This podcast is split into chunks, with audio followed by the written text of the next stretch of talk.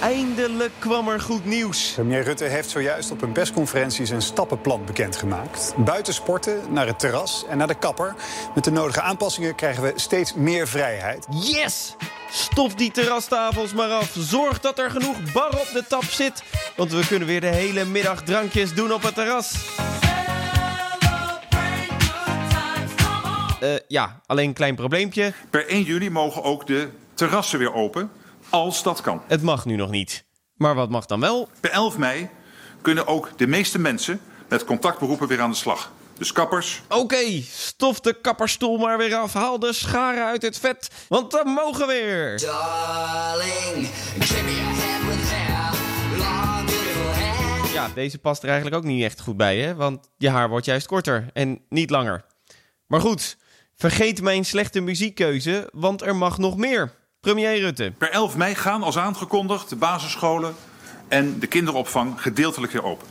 En bij de alle kleerkrachten zeggen weer aan het werk te gaan. Ja, en dat blijven ze ook maar kleren op kleer zeggen. En ik wil dit nogmaals benadrukken dat leerlingen het beste hele dagen naar school kunnen. Nee, precies. Anders blijven de ouders ook maar weer af en aanrijden en dan krijg je van die op- en neerlingen. Scherp, Rutte. We mogen dus weer de deur uit om te sporten, naar de kapper, naar school en straks naar het terras. En normaal zit het in onze cultuur ingebakken dat bij een kleine snotneus of een snifje je toch gewoon gaat werken of op pad gaat. En uh, dat betekent niet stoer doen. Uh, denken, ach, ik kan wel werken. In Nederland gaan we toch niet met een uh, snifje thuis zitten. Ja, nu wel. Nou, stoer doen. Ik zie het meer als oud-Hollands flinkdoenerij. Geen flinkdoenerij. Ah. Blijf altijd thuis als je klachten hebt. Maar goed, wat als je toch ziekig de deur uitgaat, zelfs als je dat niet weet? Kan je daar dan verantwoordelijk voor gehouden worden? Daarom zoek ik in deze aflevering uit of je aansprakelijk bent als je coronaklachten verzwijgt. Ik ben Kees Dorrestein en dit is een nieuwe helder. Als je dan dit soort grappen uithaalt, ja, dan hangt je dus definitief een gevangenisstraf boven het hoofd. Ik stel mijn medewerkers niet eh, bloot aan gevaren die niet hoeven. Ik weet dat eh, minister Grappenhuis is uh, aan het regelen dat je dan een verplichte test kunt afnemen bij zo iemand. This is worse than Pearl Harbor. This is worse than the World Trade Center. There's never been an attack like this. Geen flinkdoenerij. Dan kun je aansprakelijk zijn voor schade of uh, ziektes die je veroorzaakt. Helder. Ik kijk vandaag dus naar het juridische aspect van corona. Simpel gezegd kan je aangeklaagd worden als je kuchend naar de kapper gaat, ziek naar het zwembad, trillend naar het terras of gewoon ongezond naar de golfclub. Ja, bij die laatste waren maar alliteraties op. Je had het door. Er zijn er wel wat coronarechtszaken geweest. In Nederland vooral zaken tegen corona-kuggers. Een poging doodslag, graffiti met hakenkruizen en een woningoverval. Dit is Bureau Brabant. Maar eerst naar vorige keer. De man die in iemands richting hoestte en zei corona te hebben, is dankzij uw tips een dag na de uitzending aangehouden. Hij is inmiddels ook al veroordeeld tot twee weken celstraf. Mag ik toch even zeggen dat het een stevig bruggetje was van doodslag en swastika's naar coronakuggers? En weer een onbedoelde Godwin in deze podcast. Nee, nee, nee, nee, nee, nee. Ja, helaas. Maar deze man was niet de enige die veroordeeld werd. Ja, en deze meneer uh, vond het wel geinig om daar een grapje uit te halen. Dus die is naar die rij gegaan en die heeft mensen gewoon in het gezicht gehoest en geroepen: pas op, corona, corona. Bovendien heeft hij zich ook nog eens enorm verzet tegen zijn arrestatie. En hij bespuugde een agent vervolgens ook nog. En misdaadjournalist Saskia Belleman die vertelt ook dat hij een stevige straf heeft gekregen. In normale omstandigheden zou je zeggen, als dit soort gevallen zich voordoen, dan kom je er vanaf met een taakstraf, met een, met een geldboete. Maar nu niet. Als je dan dit soort grappen uithaalt, ja, dan houd je dus definitief een gevangenisstraf boven het hoofd. En dat heeft deze man ook gekregen. Meerdere coronakuggers hebben in Nederland celstraffen gekregen. Nu hebben we het hier wel over opzet, vaak richting de politie en dus ook over het strafrecht. En er zijn nog meer coronarechtszaken maar die zijn iets internationaler. Missouri has become the first state to sue the Chinese government for allegedly concealing information about the spread of the coronavirus. There are concerns the move could heighten tensions between the US and China. Ze maken zich dus zorgen dat Missouri de spanningen tussen de VS en China laat oplopen. Ja, want er is natuurlijk helemaal niks anders dat ervoor kan zorgen. This is worse than Pearl Harbor. This is worse than the World Trade Center. There's never been an attack like this. Could have been stopped in China. It should have been stopped right at the source. Er zijn dus al strafzaken en internationale zaken. Maar zijn er al gevallen bekend van iemand die privé iemand anders aanklaagt voor het besmetten met corona in Nederland? Nee, ik heb daarna gekeken. Ik heb zelfs op uh, websites van verzekeraars gekeken. Want stel dat je uh, hiervoor aansprakelijk wordt gesteld, dan ben je daarvoor uh, voor verzekerd. Dus ik heb wel onderzoek gedaan en ik heb geen zaken gevonden. Nee dus. En je hoort hier advocaat Veru Mewa van FTW Advocaten. En hij is gespecialiseerd in civiel recht. Er is dus nog geen rechtszaak geweest. Maar kan je iemand voor de rechtbank dagen als die hoestend de straat of het terras op gaat? Oké, wacht even. Als je zo hoest, dan moet je vooral heel snel de huisarts bellen, stoppen met roken of vooral investeren in een potje honing. Verder met het verhaal. Iemand hoest dus in je buurt. Ja, precies. Kan je die persoon aanklagen als je ziek wordt? Voor aansprakelijkheid moet je een grondslag hebben. En dat zou uh, in dit geval de onregelmatige daad zijn. Dus als jij weet dat je uh, corona hebt, of je hebt de symptomen en je zou moeten weten dat je het hebt, en je begeeft je onder de mensen en je infecteert mensen, dan uh, ja, handel je in strijd met de wet en in, in strijd met de verkeersopvattingen die er op dit moment in onze maatschappij heersen. En dan kun je aansprakelijk zijn voor schade of uh, ziektes die je veroorzaakt. Het kan, maar het is wel heel lastig. Want als je een zaak tegen iemand start, heb je bewijs nodig.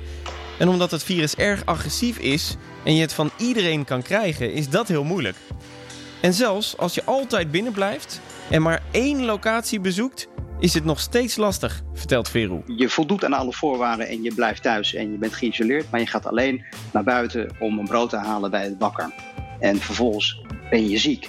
Stel dat er maar één iemand in die winkel was, namelijk de bakker zelf, en die toevallig aan het niezen was, ja, dan, dan heb je daar opgelopen.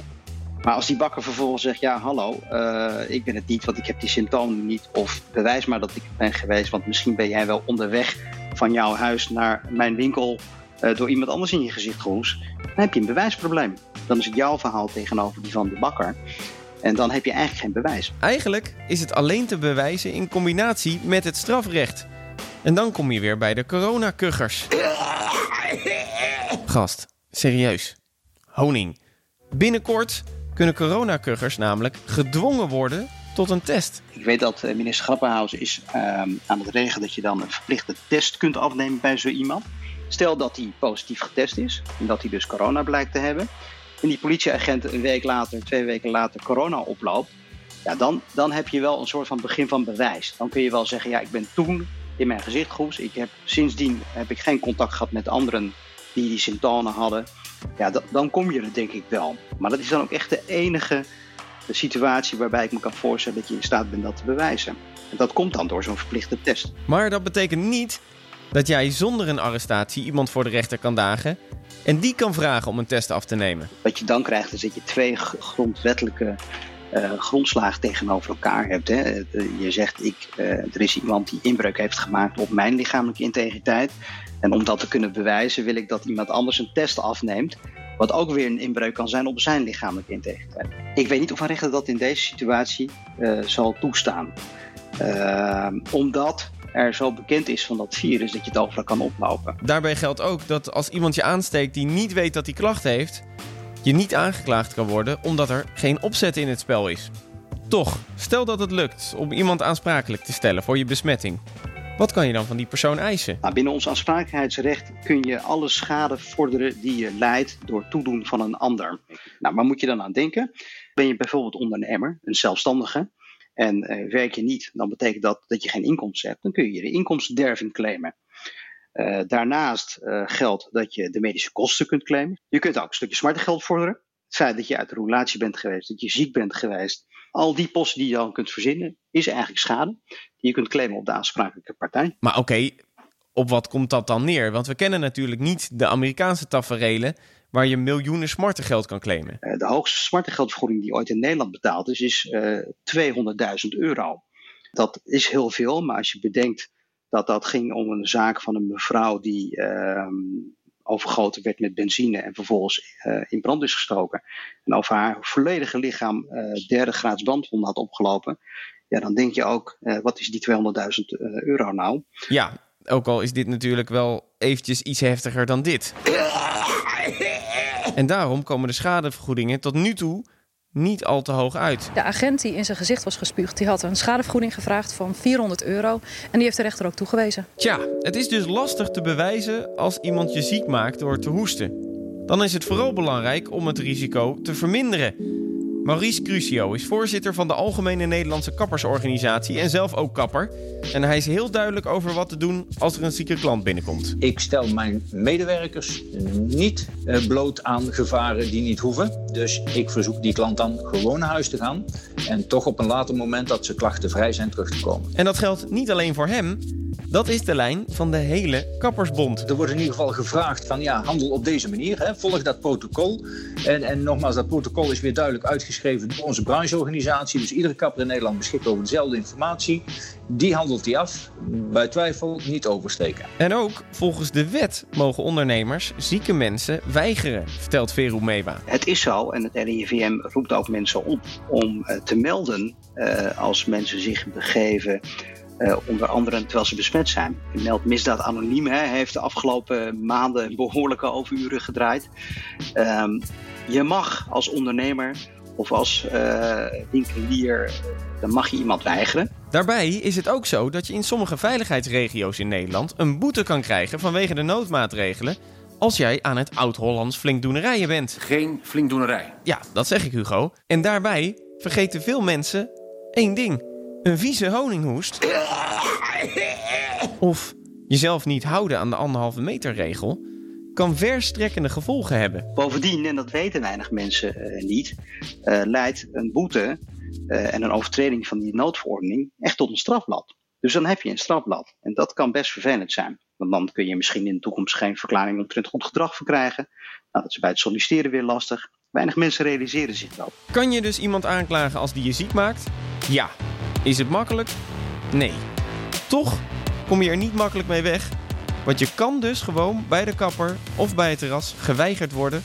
Of zelfs een boete krijgen voor een snotneus op straat. Helder? Hey, denk je nu ook? Deze podcast heeft mij misschien wel een rechtszaak geschild. Abonneer je er dan op. Want dan hoor je ook de andere afleveringen en de andere onderwerpen voorbij komen. En wil je nou niet abonneren? Nou, dan laat ik je gewoon deze vieze droge kuch horen totdat je dat wel doet.